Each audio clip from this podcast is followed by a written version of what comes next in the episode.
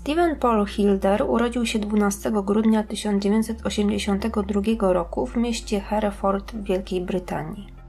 Już jako nastolatek rozpoczął swoją przygodę ze skokami spadochronowymi i od razu zakochał się w tym sporcie. Po ukończeniu szkoły średniej rozpoczął naukę w Brytyjskiej Akademii Obrony w Shrivenham, gdzie poznał swoją dziewczynę Ruth Woodhouse. Krótko po rozpoczęciu nauki w szkole dołączył też do akademickiej grupy skoczków spadochronowych o nazwie Black Rain, czyli Czarny Deszcz. Razem ze swoimi kolegami z grupy, Adrianem Blairem i Davidem Masonem, brał udział w różnego rodzaju zawodach spadochronowych. 4 lipca 2003 roku grupa Black Rain startowała w mistrzostwach akademickich odbywających się na terenie lotniska Hibalstow. Około godziny 14.45 wszyscy trzej koledzy z drużyny wyskoczyli z samolotu na wysokości około 4000 metrów, a następnie na wysokości około 2500 metrów chwycili się wzajemnie za ręce. Po wykonaniu kilku figur akrobatycznych, będąc na wysokości około 1200 metrów, mieli rozdzielić się, aby rozłożyć spadochrony i wylądować. Niestety główny spadochron Stevena nie otworzył się. Chłopak próbował skorzystać ze spadochronu zapasowego, jednak i ten zawiódł.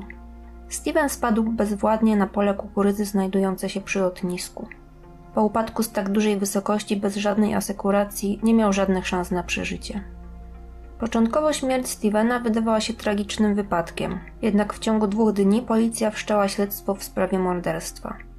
Po zbadaniu spadochronu chłopaka okazało się, że ktoś przeciął taśmy nośne łączące uprząż spadochronu z linkami. Rozpoczęło się żmudne dochodzenie, które dało zaskakujące wyniki i niestety do dziś nie pozwoliło na ostateczne ustalenie osoby odpowiedzialnej za śmierć Stevena. W trakcie śledztwa ustalono, że przecięte zostały zarówno taśmy nośne spadochronu głównego, jak i rezerwowego. Sposób w jaki to zrobiono sugerował, że osoba, która tego dokonała, musiała posiadać wiedzę na temat spadochronów i skoków spadochronowych. Uszkodzenia spadochronu były bowiem trudno zauważalne podczas pobieżnej kontroli sprzętu, a jednocześnie powodowały całkowitą jego niesprawność. Magazyn spadochronów znajdujący się na lotnisku Hibalstow, w którym przechowywany był spadochron Stevena, zamykany był jedynie na noc. Spadochrony przechowywane były w niezabezpieczonych szafkach, do których dostęp mógł mieć każdy.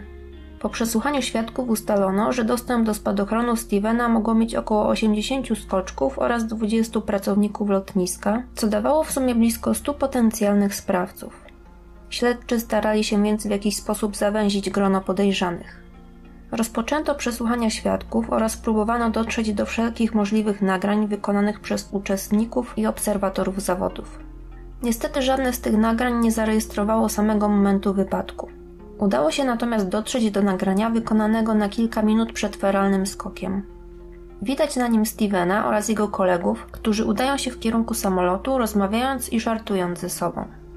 Wydaje się, że cała trójka była wtedy w doskonałych humorach i dobrze się ze sobą bawiła. Od samego początku dochodzenia oczywiste było, że mamy do czynienia z morderstwem. Kolejne odkrycie było jednak bardzo zaskakujące i dało wiele do myślenia śledczym bagażniku samochodu Stevena znaleziono bowiem nożyczki, które oddano do badań laboratoryjnych.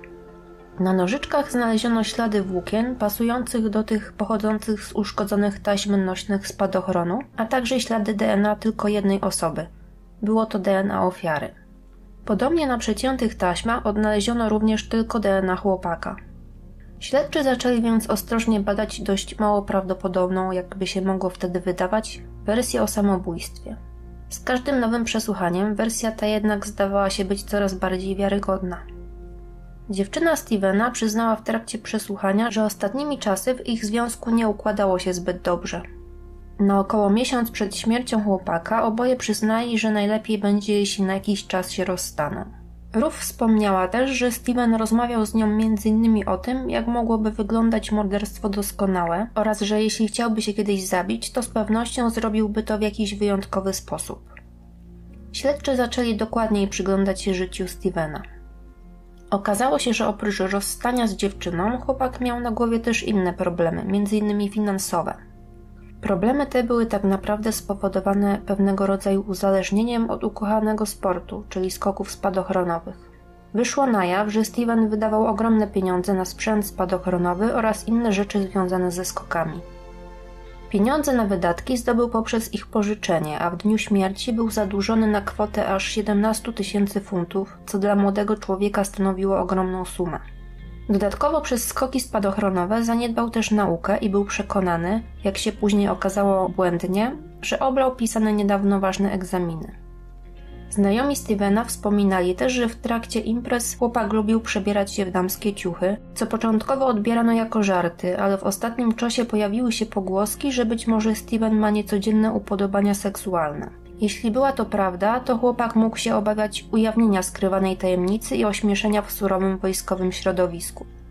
Okazało się więc, że Steven faktycznie mógł mieć powody do popełnienia samobójstwa, jednak większość jego bliskich pytana wprost o to, czy mógł to zrobić, odpowiadała, że nie, ponieważ Steven do ostatnich chwil był osobą bardzo radosną, która raczej dobrze radziła sobie z problemami. Nawet dziewczyna Stevena, z którą rozmawiał o samobójstwie, twierdziła, że rozmowa ta była czysto teoretyczna i że jest pewna, że chłopak nie mógłby zabić się w ten czy też inny sposób. Zaczęto więc przyglądać się kolegom Stevena. Dość szybko wyszła na jaw kolejna zaskakująca informacja. Okazało się, że koledzy Stevena z drużyny spadochronowej tak naprawdę mieli z nim dość napięte stosunki. Ich relację trudno było nazwać przyjacielską. David i Adrian często naśmiewali się ze Stevena, a nawet robili mu dość przykre żarty, które tłumaczyli tym, że relacje pomiędzy kolegami w wojsku po prostu takie są. Jednym z tych żartów miało być usunięcie ze spadochronu Stevena zawleczki, której odblokowanie w trakcie skoku powoduje wysunięcie małego spadochronu, tzw. Tak pilocika, służącego do prawidłowego wyciągnięcia głównej czaszy oraz linek spadochronu.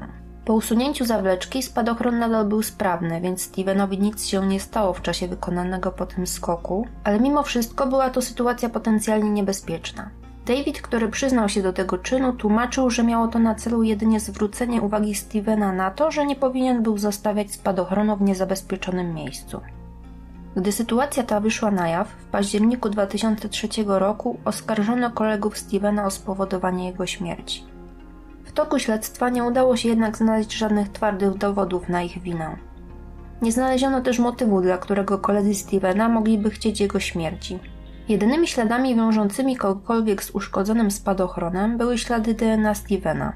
W związku z tym w 2004 roku koledzy Stevena zostali oczyszczeni z zarzutów i wypuszczeni na wolność. Sprawa ta do dzisiaj wzbudza wiele kontrowersji i dzieli zarówno śledczych, jak i opinię publiczną na zwolenników teorii o morderstwie i zwolenników teorii o samobójstwie. Podsumowując, za teorią o samobójstwie przemawia to, że Steven miał problemy w życiu osobistym. Krótko przed śmiercią rozstał się z dziewczyną, był zadłużony na sporą sumę pieniędzy oraz miał problemy na uczelni. Nie jest też wykluczone, że miał upodobania seksualne trudno akceptowalne w swojej społeczności i być może obawiał się ujawnienia i negatywnych reakcji ze strony kolegów. Wspominał też w rozmowach o tym, że w przypadku samobójstwa wybrałby spektakularny sposób na jego popełnienie. Wprawdzie rodzina Stevena nie zauważyła nic niepokojącego w jego zachowaniu, ale niestety życie pokazuje, że samobójcy potrafią do ostatnich chwil skrywać swoje uczucia, a niektórzy z nich tuż przed śmiercią są tak podekscytowani perspektywą zakończenia swojego życia, że wydają się wręcz bardziej szczęśliwi niż zwykle. Dodatkowo jedynym dowodem w sprawie są nożyczki ze śladami DNA Stevena znalezione w jego własnym samochodzie oraz ślady jego DNA obecne na przeciętych taśmach spadochronu. Teoria o zabójstwie wydaje się z kolei bardziej prawdopodobna z powodów natury czysto ludzkiej. Po pierwsze nasuwa się pytanie, czy samobójca mógłby wybrać aż tak dziwny sposób na śmierć, a po skoku próbowałby otworzyć spadochron główny, a gdy ten nie zadziałał, otworzyłby również zapasowy? Jedynym motywem takiego działania wydaje się chęć upozorowania własnego zabójstwa – czy jednak w takim wypadku ofiara zostawiłaby nożyczki, którymi uszkodziła spadochron we własnym samochodzie, w dodatku ze śladami własnego DNA?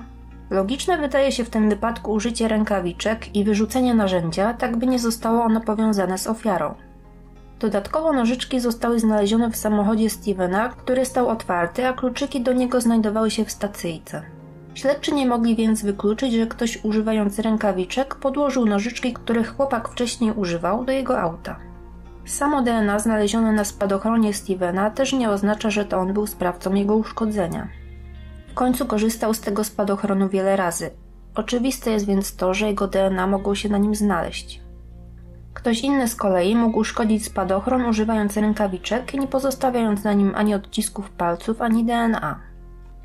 Podejrzane również w całej sprawie jest zachowanie kolegów Stevena, którzy jak wiemy byli z nim w konflikcie i którzy wcześniej majstrowali przy spadochronie chłopaka, jak mówią, by dać mu nauczkę.